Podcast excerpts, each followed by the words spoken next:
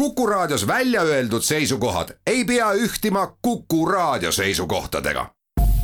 Te kuulate Kuku Raadiot.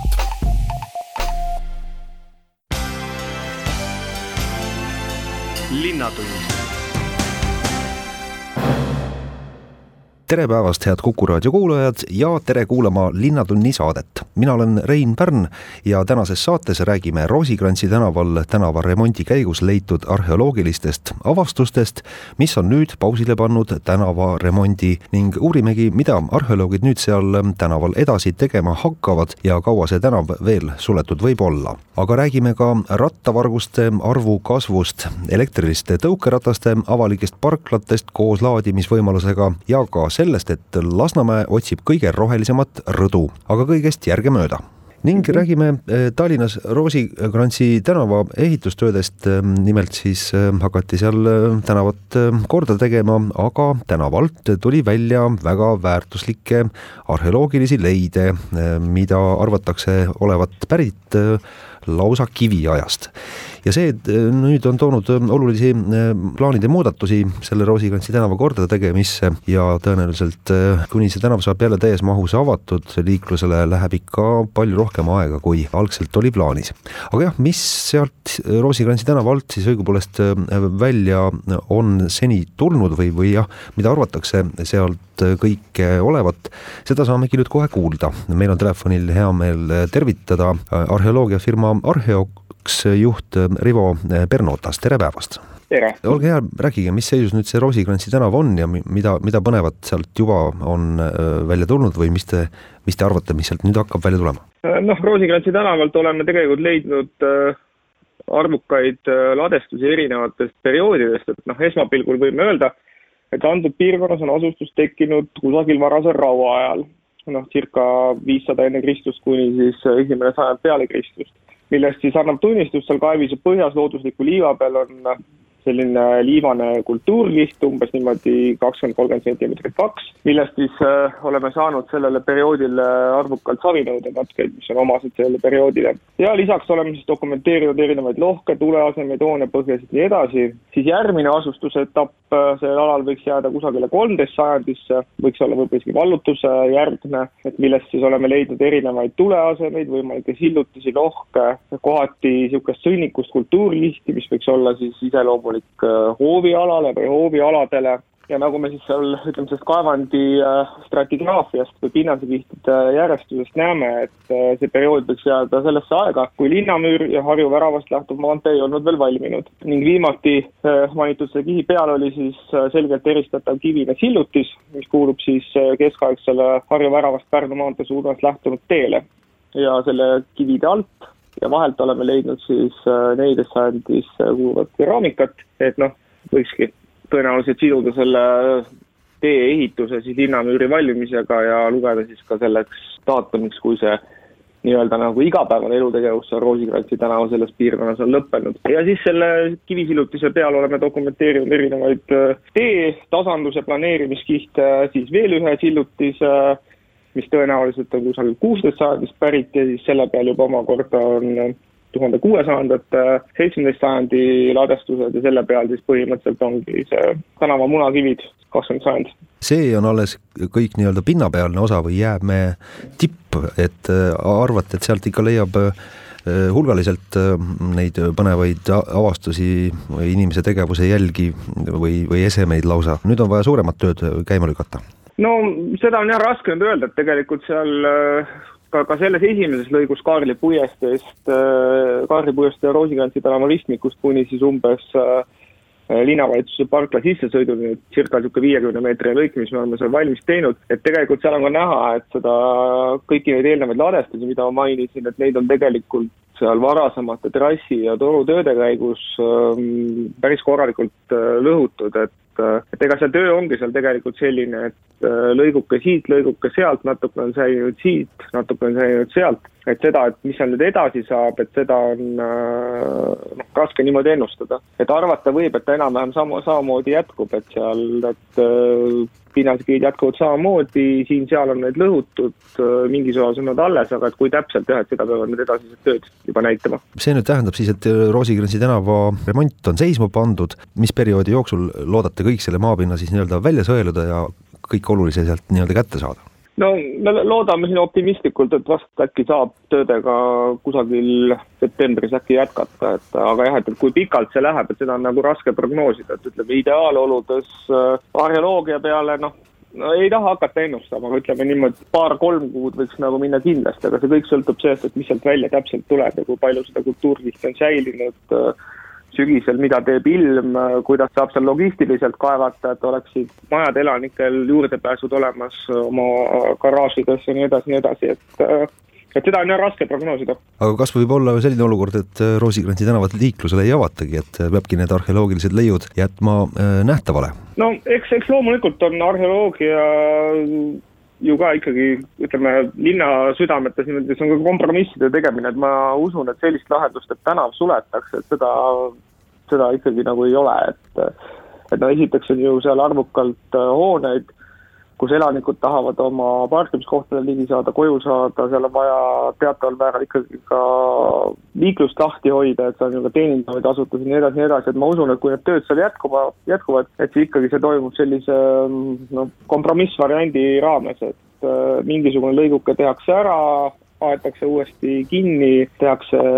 korda, et saavad autod edasi liikuda, saavad inimesed liikuda. et, et ma arvan jah, et, et seda ohtu, et nagu tänav suletakse mingisuguseks määramata ajaks, et seda pigem ei ole. jah, et on ju igasugused lahendused, nagu seal Harju tänava alguseks saab ju teha klaaspinna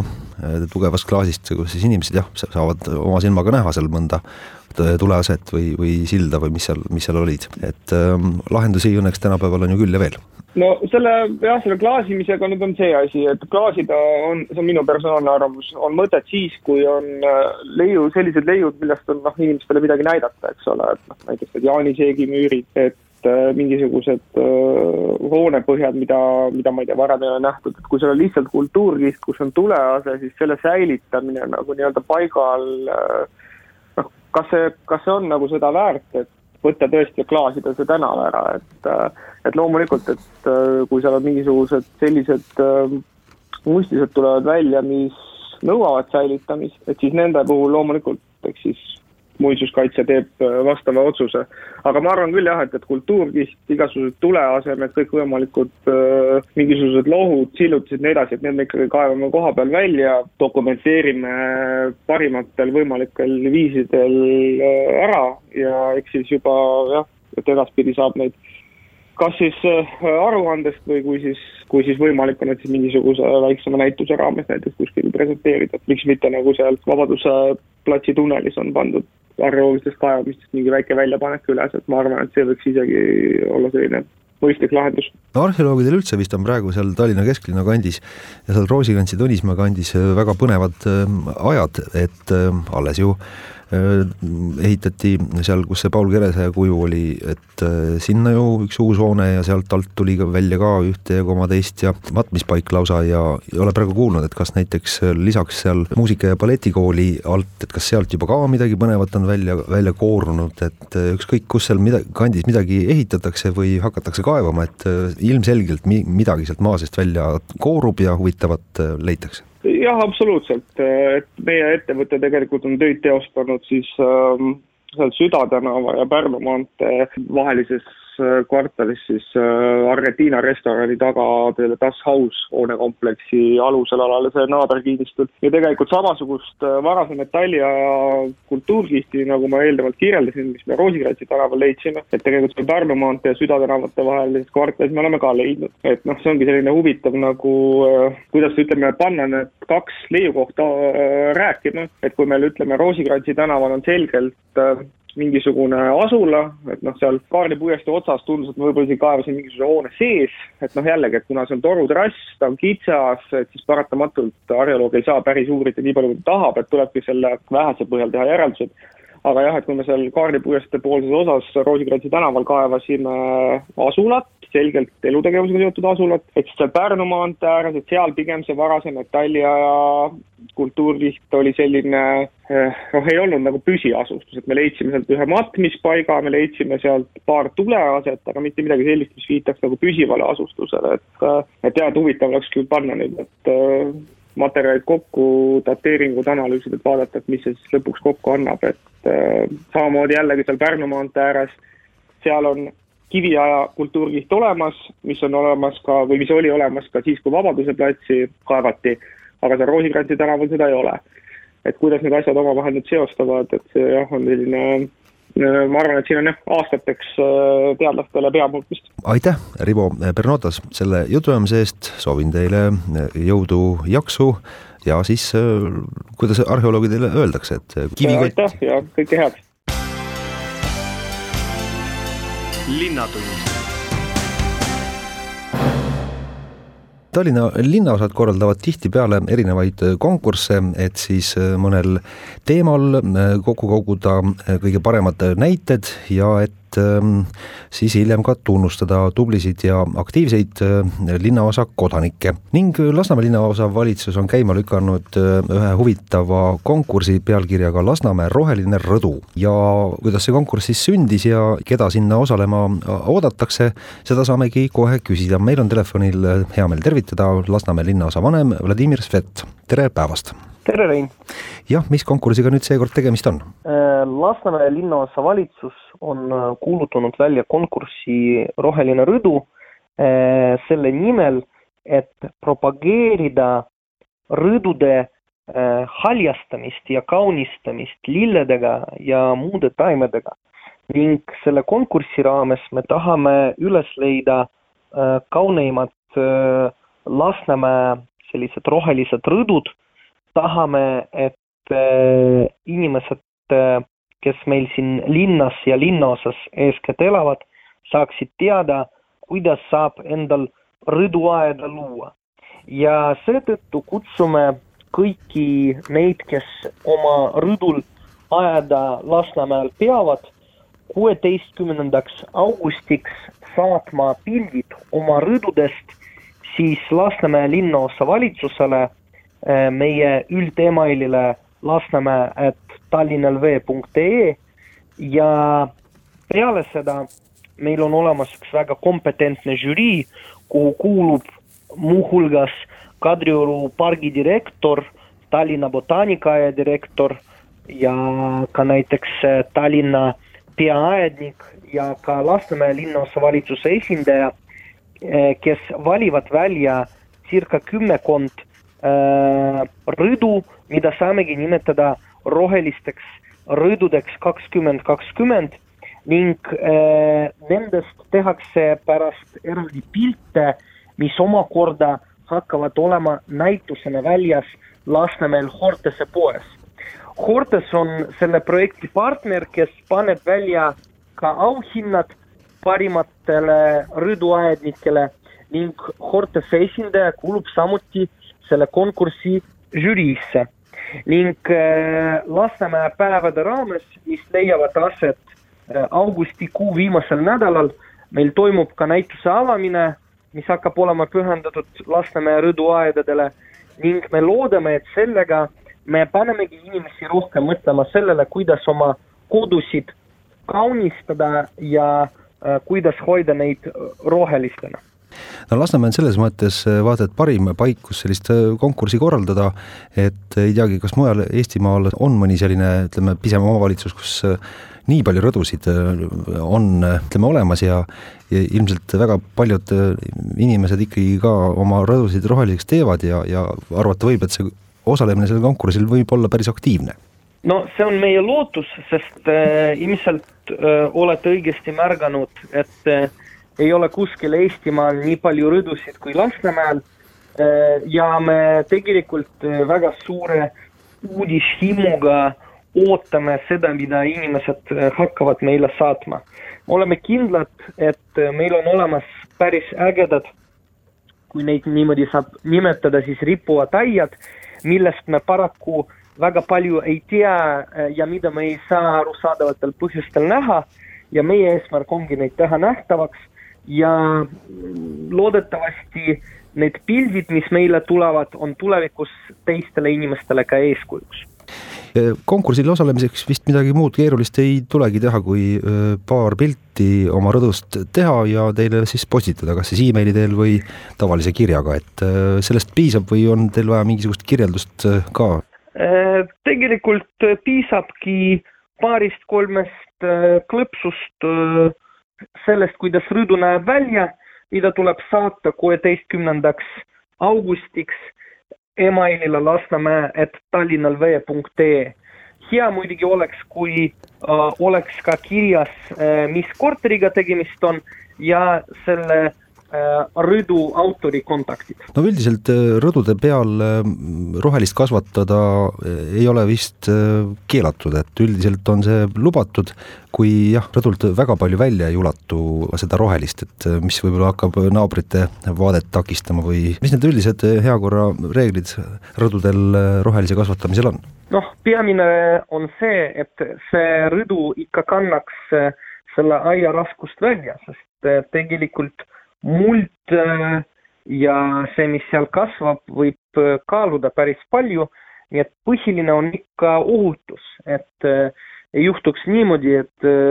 rõdule on nii palju kraami kokku tassitud, et oleks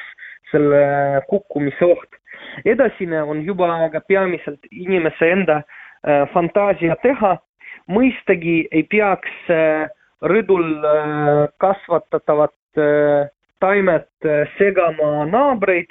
äh, ehk äh, ei oleks, ma arvan, õige, kui mõni selline ronitaim hakkab üleval korrusele ronima, ent üldiselt ei ole keelatud, kui need taimed paistavad ka tänavale välja. vastupidi, mina ütleks, et mida rohkem rohelust meie rõdudest nii-öelda tänavale paistab, seda mõnusamaks ja seda hubasemaks muutuvad meie tänavad. Jah, esialgu jah, siis on äh, tahetud äh, välja selgitada Lasnamäe kõige rohelisem rõdu, kuid äh, eks ju taimi annab ju kasvatada ka mujal, noh ilus oleks, kui hoovides oleks midagi läbimõeldud, kasvatatud või siis ka ju majade katustele annab ju ka ühte koma teist istutada ja pisemad sellised aiad, jällegi seda raskuse teemat väga tähelepanelikult järgides võiks ju sinna rajada, et kas on plaanis seda konkurssi natukene laiemaks ka tõmmata? no me vaatame, kuidas esimene aasta kulgeb, see on ju uus algatus meie jaoks, aga iseenesest ma arvan, et see on väga õige suund mõelda, kuidas võiks kasutusele võtta meie kortermajade katused, eriti Lasnamäel, kus neid katuseid on teatavasti üle seitsmesaja viiekümne. ent ma arvan, et see nõuab tegelikult meie majade, kortermajade, eriti nõukogude ajal ehitatud kortermajade sellist teistsugust lahtimõtlemist,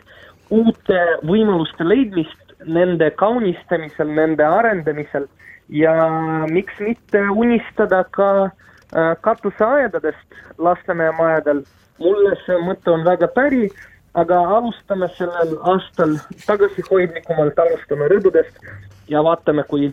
kõrgele me lõpuks jõuame nendega. jah, nii on ja väga vahva konkurss on nüüd siis käima lükatud, Lasnamäe roheline rõdu, kordame siis üle, et jah, kuueteistkümnendaks augustiks oodatakse kaunistatud rõdude kohta fotosid. eks siis ole näha, kuidas see saak sel aastal tuleb, ma väga tänan Lasnamäe linnaosa vanem Vladimir Svet, et said sellest konkursist meile ülevaate anda, soovin jõudu, kena suve jätku! aitäh, Ain! linnatund pealinnas on viimastel äh, nädalatel, kuudel hakanud kasvama jalgrattavargused. kui nüüd äh, viimased aastad on näidanud ikka pigem sellist äh, langustrendi, et paistab, et vargaid ei huvita enam mm, jalgrattad,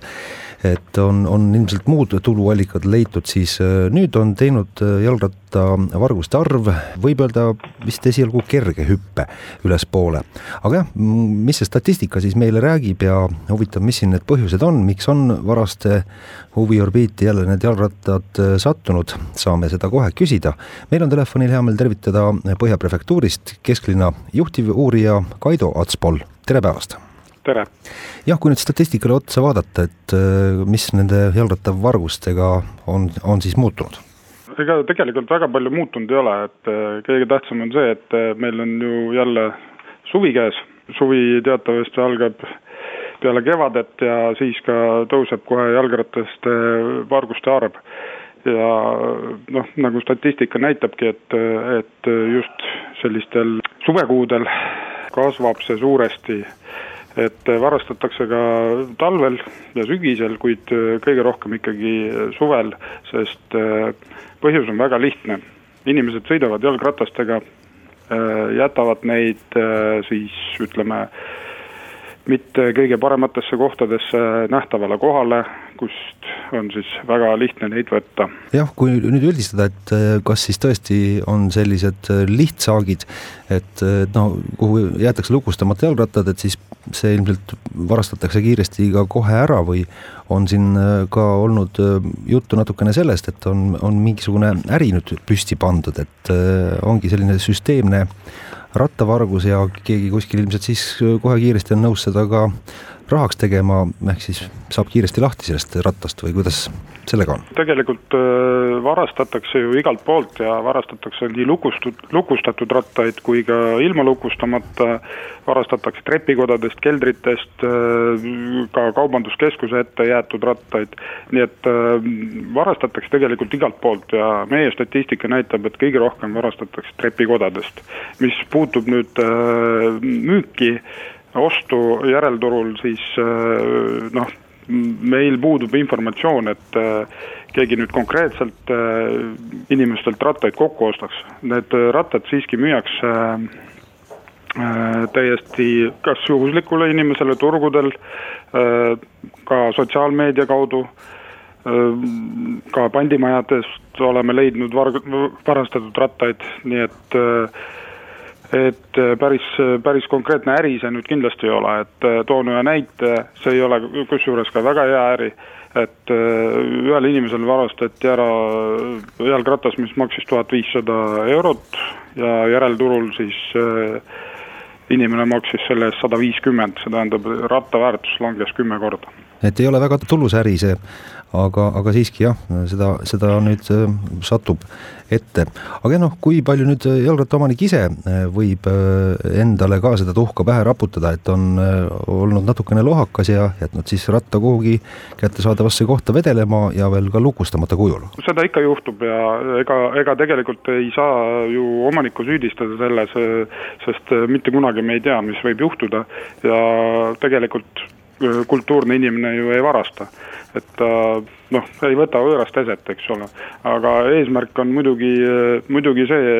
sellel äh, vargal siis äh, võimalikult ruttu sellest vabaneda, saada see rahasumma ja noh, mis ta siis edasi teeb, seda me ei tea, kas ta on narkomaan või või kulutab ta enda tarbeks, seda me ei oska öelda. Need on erinevad variandid, aga rattaomanik saab muidugi väga palju ära teha, esiteks äh, esimene asi on äh, see, et ratas äh, peaks olema kuskil varju all, ta peaks olema kindlasti lukustatud, ta peaks olema äh, ka ütleme noh, eraldi ruumis kuskil, mida, mis ei ole läbinähtav. noh, näiteks Pööning kelder, kust on kõige vähem vargusi, kuigi ka sealt varastatakse. või siis spetsiaalsed sellised ruumid, mis on kas näiteks signalisatsiooni all ja kaamera vaateväljas ja kindlasti, mis rattaomanik peaks tegema, on äh, tegema ratast pildi ja üles kirjutama raaminumbri või siis samu, samuti seda pildistama. No kui sageli juhtub seda, et äh, pärast, äh, kui radas on varastatud, et siis hiljem politsei tabab noh, ma ei tea, millise operatsiooni käigus näiteks üldse varga, kelle korterist või garaažist või kust iganes leitakse ka teisi asju, aga siis noh, rattaid ka, eks ole ja siis äh, ei tule hiljem äh, omanik järgi, et äh, omanik ise ei teagi, mis tal need ratta äh, koodid seal äh, raami peal on või ei mäleta isegi, milline see välja nägi või mis marki see on, et, äh, et jäävadki nagu politsei lattu seisma. selliseid asju juhtub, loomulikult inimesed ei tea, millised need rattad välja näevad ja ja nad ei tea tihtipeale nimetustki ja seoses sellega ma arvangi, et väga palju avaldusi on võib-olla laekumata üldse, et see samuti soodustab seda, seda lihtsust, seda varastele lihtsat kättesaadavust kiire raha teenimiseks. ja tegelikult kõik leitud rattad on meil olema, olemas ka politsei koduleheküljel ja sealt saab siis neid vaadata, kui keegi tunneb ära. et siis saab vastava kontakti abil ühendust võtta ja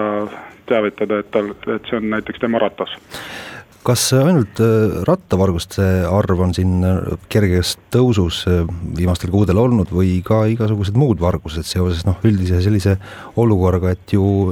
et, et see tööpuudus on ju ka nüüd ikkagi natukene kasvanud ja ei ole sellist legaalset töö tegemise võimalust nii palju kui varasematel suvedel no tegelikult ei ole, et äh, tegelikult on üsna, üsna rahulik, äh, ei ole, ütleme, väga vähe on taskuvarguseid, väga vähe on autodest varguseid, mingil määral on ikkagi kort-, korteritest vargused olemas, et äh, täpselt suhet ma ei oska praegu öelda, et aga eks, eks neid vargusi igasuguseid erinevaid on kogu aeg ja ilmselt kahjuks see ei kao mitte kuskile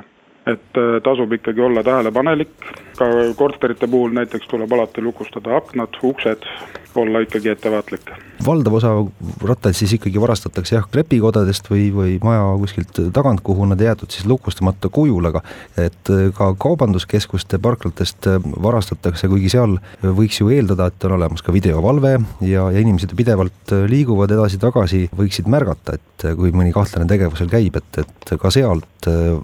siis varastatakse. mis on siin tähelepanekud, miks, miks seda tehakse või kui palju jah, selliseid lukustamata rattaid on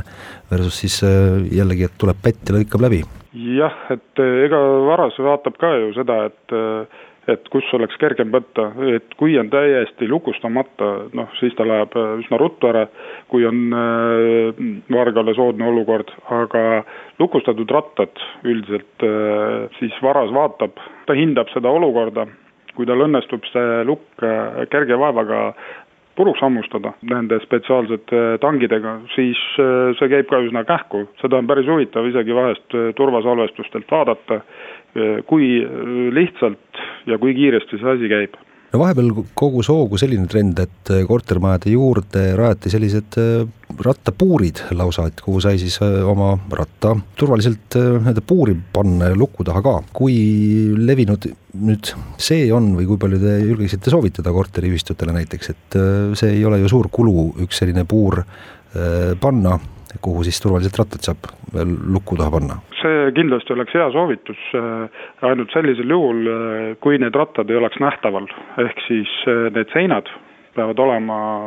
läbipaistmatud. väga hea oleks, kui oleks sinna peale suunatud kaamera või oleks sellel puuril siis nii-öelda signalisatsioon, ehk siis kui tekib see lahtimurdmise moment, et siis hakkab kas sireen tööle või jõuab mingi informatsioon kellelegi telefoni, korteriühistule, vastutavale isikule, noh, mida iganes, variante on nii palju. et kindlasti ei tohi olla nähtava koha peal, et ka need puurid, ma tean, tihtipeale ehitatakse noh, selliste võredega ja siis on ju hea valikut teha, et kas on mõtet sinna sisse murda või mitte. et pigem see peab olema varju all selline uudis siis, et jah, et äh, tänavu on siis jalgrattavarguste arv teinud kerge äh, tõusu ülespoole loodame siis, et see oli selline äh, lühiajaline anomaalia ja ei saa selliseks äh, äh, järjest kasvavamaks trendiks, et iga jalgrattaomanik peab nüüd pidevalt olema mures, et kas tema sõiduvahend on ikka hommikul alles või mitte. ma väga tänan Kaido Atspol, kesklinna juhtivuurija, selle intervjuu eest, soovin teile kena päeva! aitäh! linnatund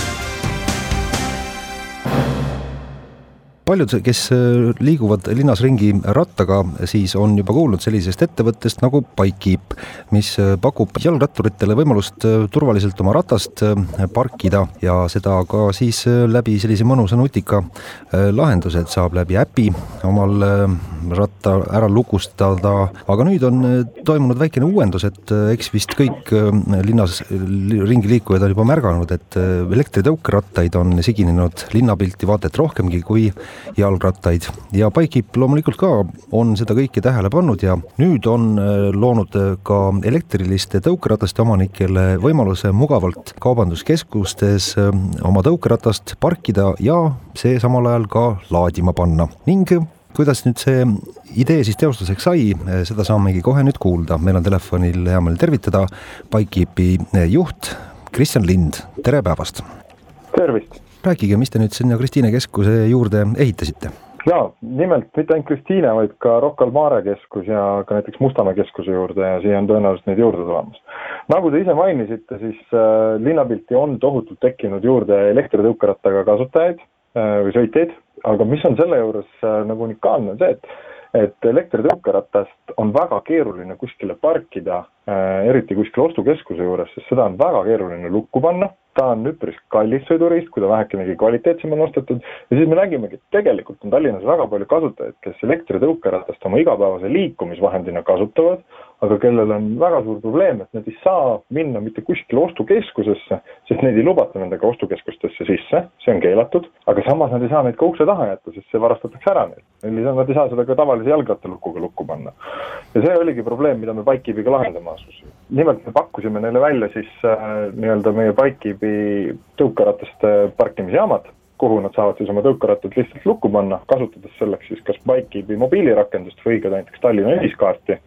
lihtsalt äh, skaneerivad ühiskaardi ja tõukeratas on lukus, saavad selle samal ajal laadima panna, ise siis samal ajal kas siis oma toidu, toidu ostlemist teha või mingit muud ostlemist. et ei pea, ei pea muretsema oma sõiduki pärast. nojah, üks asi on see turvalisus, et võidakse ratas ära varastada, aga teine oluline takistus, mis võib äh, elektrilise tõukeratta puhul ette tulla, on see, et äh, jah, see saab just äh, tühjaks, aku saab tühjaks ja ei saa noh, piisavalt pikalt sõita, kui võib-olla oleks plaanis, et nüüd on siis võimalus ka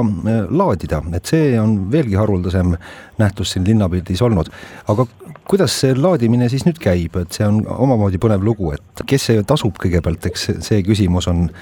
ja, ja jah, kuidas seda seal kohapeal siis teha? jaa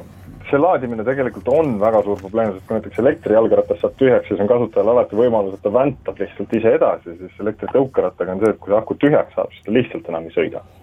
ja eks ta tarbib ka natukene rohkem seda akut kui elektrijalgratas, kus kasutaja ise ka nagu oma energiat panustab, nii et see tegelikult kasutajatele on tõesti ka üks, üks suur probleem ja nii nagu nende elektritõukeratastega juhtus, et nad ilmusid siia linnapilti nii kiirelt, et tegelikult ei olnud linn veel selleks valmis, nii ei oma seadusandluse poolest kui ka nagu nii-öelda olemasoleva infrastruktuuri poolest, siis see oli taas üks probleem, mida meie nägime, et meil on võimalus lahendada. ja noh, see nii-öelda ainult tundus mõistlik, et oma parkimisjaamale ka see laadimisfunktsionaalsus lisada. ehk et senikaua see isegi tegelikult motiveerib kasutajat veelgi kauem seal ostukeskuses olema ja täpselt sellesama aspekti pärast äh, tegelikult selle elektri maksabki kinni seesama ostukeskus. Nemad on õnnelikud, kui te seal kauem aega veedate ja selle võrra siis pakuvad seda elektrit teile tasuta ja vot selline väga huvitav lähenemine jah, et äh, elektritõukeratta omanik, kellel tegelikult on vaja laadida, ei pea midagi maksma, aga omanik siis äh, hea meelega. et äh, tõesti, on nad siis lahkesti nõus, et olgu siis need laadijad seal, peaasi, et oleksid need, neid kliente natukene rohkem jah, eks see sõltub, äh, eks see sõltub asukohtadest, eks ole, aga need, kus, kus meil on õnnestunud nii-öelda nagu koostöö luua ja meie punktid rajada, et need on kõik need punktid, kes siis nagu tahavad, keskused, äh, kes siis tahavad olla nii-öelda väga teretulevad erinevate selliste liikumisvahendite suhtes ja tahavad oma klientidele selle võimalikult hõlpsaks ja lihtsaks teha. sest äh, mina juba tean, nagu minu tutvusringkonnas on päris palju inimesi, kes nagu planeerivad ka oma sõitu selle järgi, et kuhu nad saavad siis parkida selle, eks ole et äh, tänu sellele asjale jah, võib öelda, et äh, need keskused, kus on need Bikekeepi punktid nagu rajatud, need on ikkagi väga hea meelega seda nõus ja nemad näevad nagu oma väga selget kasu seal. ja arvestades seda kasutajate tagasisidet, mida me nagu läbi oma rakendusega nendele võimaldame, siis, äh, siis see igatipidi õigustab neil selle ära. mis tüüpi laadijad teil sel hetkel on? et noh, jah, eks kõige popimad on need Segway'd ja Xiaomi'd, eks ole, et kas, kas need või peab üldse omal laadija olema veel kaasas või mismoodi? täpselt nii, nagu ütlesid, kõige populaarsemad on need Segway ja Xiaomi äh, elektritõukerattad, nende laadijad on integreeritud juba sinna sisse. et äh, on olemas ka mingisuguseid äh, tõukerattamudeleid, mida kahjuks ei saa laadida, eks turul, turul on olukord suhteliselt kirju, aga aga meie vaatlused siin Tallinnas julgevad väita, et umbes kaheksakümmend, kaheksakümmend viis protsenti eraelektritõukerattaid on siis kas Segway, Xiaomi lahendusega, neid seal saab ka laadida meil oli siin juttu ennem ka politseiga, et jalgrataste vargusi on sel suvel pisut rohkem ette tulnud kui, kui varasematel suvedel, et te julgete seda turvalisuse poolt ikka väga uhkesti reklaamida, et teie parklad on üldiselt ikka turvalised ja, ja sealt on üsna keeruline mõnda ratast kätte saada, et rääkige, kirjeldage kuulajatele, kuidas see turvalahendus on seal tehtud? turvalahendused on meil nii jalgrattaparklatele kui tõukerattaparklatele üpris sarnased, eks ole, et äh, lukustatakse siis mõlemal juhul sõiduk äh, suure nii-öelda terashoovaga, eks mis on äh, igatipidi suurem ja laiem ja jämedam kui ükskõik milline lukk, mida kasutaja ise viisiks või raatsiks kaasas kanda lisaks on seal veel äh, palju selliseid nutikaid turvalahendusi juures, äh, mis siis kaameravalvest, kui seal tekib mingi häire, häire selles äh, jaamas, siis ta saab teavitada kohaliku keskuse turvateenistust ja seal hakkab käima ka selline valjuhääldi alarm. et üldiselt niisugused nii jalgratta kui tõukerattavargused on selline juhuskuritegu, kus otsitakse võimalikult lihtsat objekti, mida varastada, siis tänu nendele kõikidele mainitud turvaelementidele on meil on, on, oleme suutnud luua olukorra, kus vargad jah, käivad vaikivi parkides suure kaarega mööda, et noh, neil lihtsam on lihtsalt mujal tegutseda. et jah, kas siis peab raami läbi saagima või siis äh, mingi keevitusagregaadiga seal möllama, aga ma arvan, et seda märkab, märgatakse päris kiiresti ja see asi jääb katki. seda märgatakse, täpselt, ja meie juba tõmbame sinna lisatähelepanu oma alarmiga, teavitame kohalikku turvateenistust, eks ole, et ega see kõik on ka nii-öelda varastel selgeks saanud ja, ja nii-öelda puhtast laiskusest lähevad pigem mujale. Aga mingisugune lahtihäkkimise võimalus on? ei ole, noh selles mõttes, et eh, eks kõik süsteemid on päeva lõpuks häkitavad ja oleme uudistest lugenud, kuidas ka pankadesse murtakse sisse, ehk et teoreetiliselt see on, aga reaalsuses on see nii keeruline ja see käib nagu üksiku jaama nii-öelda üksiku koha põhiselt, et see võtab nagu oluliselt rohkem ressurssi, kui, kui see, kui see lihtne rattavargus ennast väärt on. eks ta ole, ma saan aru, et kõik ettevõtted äh, lisaks äh, kaubanduskeskustele tegelikult teie kaudu sedasama tõukerataste või tavaliste jalgrataste parklat saaks tellida. et palju teil neid praegu laos jagada siis on või jah, kui kiiresti te selle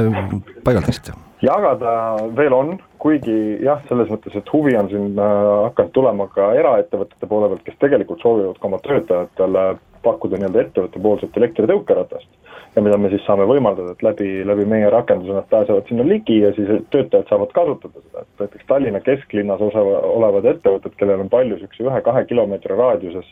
asjaajamist, seal on tihti elektritõukerattaga see sõit oluliselt kiirem teha äh, kui, kui autoga, odavam ja seetõttu ettevõtted on tahtnud hakata oma töötajatele seda võimalust pakkuma. Samuti on ettevõtted, kes loomulikult tahavad ka pakkuda oma töötajatele lihtsalt võimalust elektritõukerattaga tööle saabuda, nii-öelda säästa siis autosõidu aeg ja parkimine. selle nõudluse rahuldamisega täna hätta otseselt ei jää, et nüüd me siinsamas toodame juurde, kuna meil kogu tootmine ja kõik on Eestis, siis suudame olla nagu piisavalt paindlikud ja kiired et vastata turu nõudmisele. aga loodate jätkuvalt noh, ütleme eraettevõtluse peale või on mingisugused läbirääkimised äkki ka linnavõimuga, et ma arvan, ka linnavalitsuse huvides võiks ju olla see, et et kõikidel liiklejatel oleks hea siin olla ja, ja ka noh, sellised avalikud parklad sõltumata mingisugusest kaubanduskeskusest, poest või mis iganes, et ei peaks nii-öelda nende peale ainult mõtlema? ma usun, et see stsenaarium läheb üpris sarnaselt, nagu meil jalgrattaparklatega juba on olnud, kus tegelikult on nii, et täna on Tallinnas äh, umbes seitsesada punkti jalgratta parkimisposti üles pandud, millest siis üle kaheksakümne viie protsendi on tegelikult eraettevõtete rahastatud et äh, eraettevõtted on päris tugevalt aru saanud, et kui, kui oluline on niisugusele mikromobiilsusele võimaluste loomine ja kui kasulik see neile on. linn tuleb sellega kaasa, aga eks teatavasti linnal võtab vahel, äh, vahel natukene aega otsustamine ja nemad ei, ei tee nii kiirelt neid otsuseid, et äh, aga kindlasti Tallinnasse see mingi hetk ka jõuab kohale linna poolt, et lihtsalt nähes, mis, mis linnas, mis linnas toimub ja ja lugedes siin teiste linnade kohta, kuidas nad saavad aru, et kui palju parem on nendele motiveerida inimesi liiklema ükskõik millega kui autoga, siis noh, need tingimused lihtsalt tuleb luua. vot selline põnev projekt äh, siis äh, on äh, käima läinud suure hooga arvatavasti ja eks siis varsti iga elektritõukeratta omanik saab ise järele proovida, et kuidas nüüd siis Bikekeepi parklas äh, parkida on tõukeratast ja laadida samal ajal ise samal ajal sopates. aitäh, Kristjan Lind, Bikekeepi juht, selle jutuajamise eest, soovin teile jõudu ja hoogu juurde! aitäh ka minu poolt! linnatund